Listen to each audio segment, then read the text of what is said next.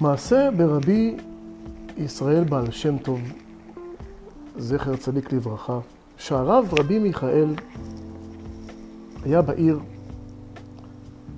אחד מהחסידים שלו, רבי מיכאל, פעם אחת בא לפני הרב מיכאל לבקש ממנו שיתקן תיקון על חילול שבת, בשוגג, שאיחר בנסיעתו והוא לא אשם משום שהעגלה נשברה בערב שבת.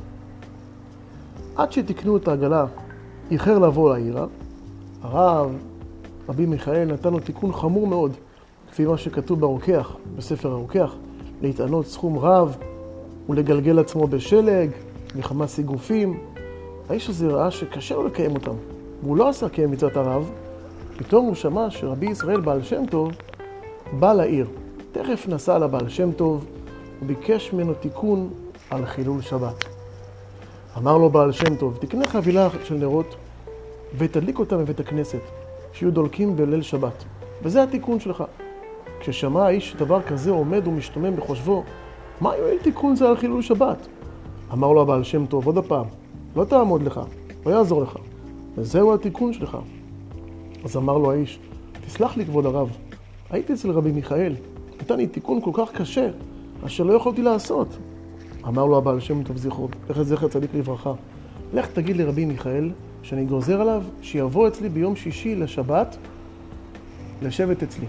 כששמע רבי מיכאל קם והלך, ונתגלגל לדבר כזה שקרה לאיש, אותו דבר, הוא בא ברגל שלו עירה. כלומר, אפילו רבי מיכאל בעצמו אה, נאלץ לחלל שבת.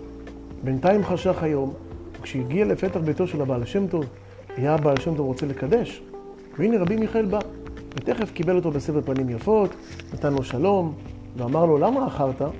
והשיב לו את סיבת ההתעכבות העגלה.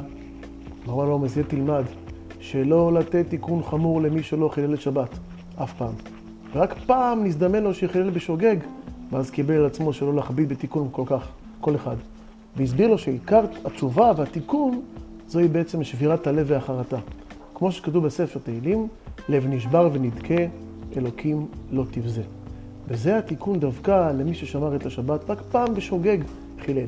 אבל הנכון למי שחילל שבת חס ושלום, בין באונס, בין שלא הייתה לו ברירה ובין ברצון, חייב ללכת אצל הרב ולקבל תיקון, ולא לסמוך על המעשה הזה שכתבנו. זה בעצם הסיפור על שבת. בינתיים שיהיה לכם שבת שלום חמודים, נתראה בעזרת השם ביום ראשון.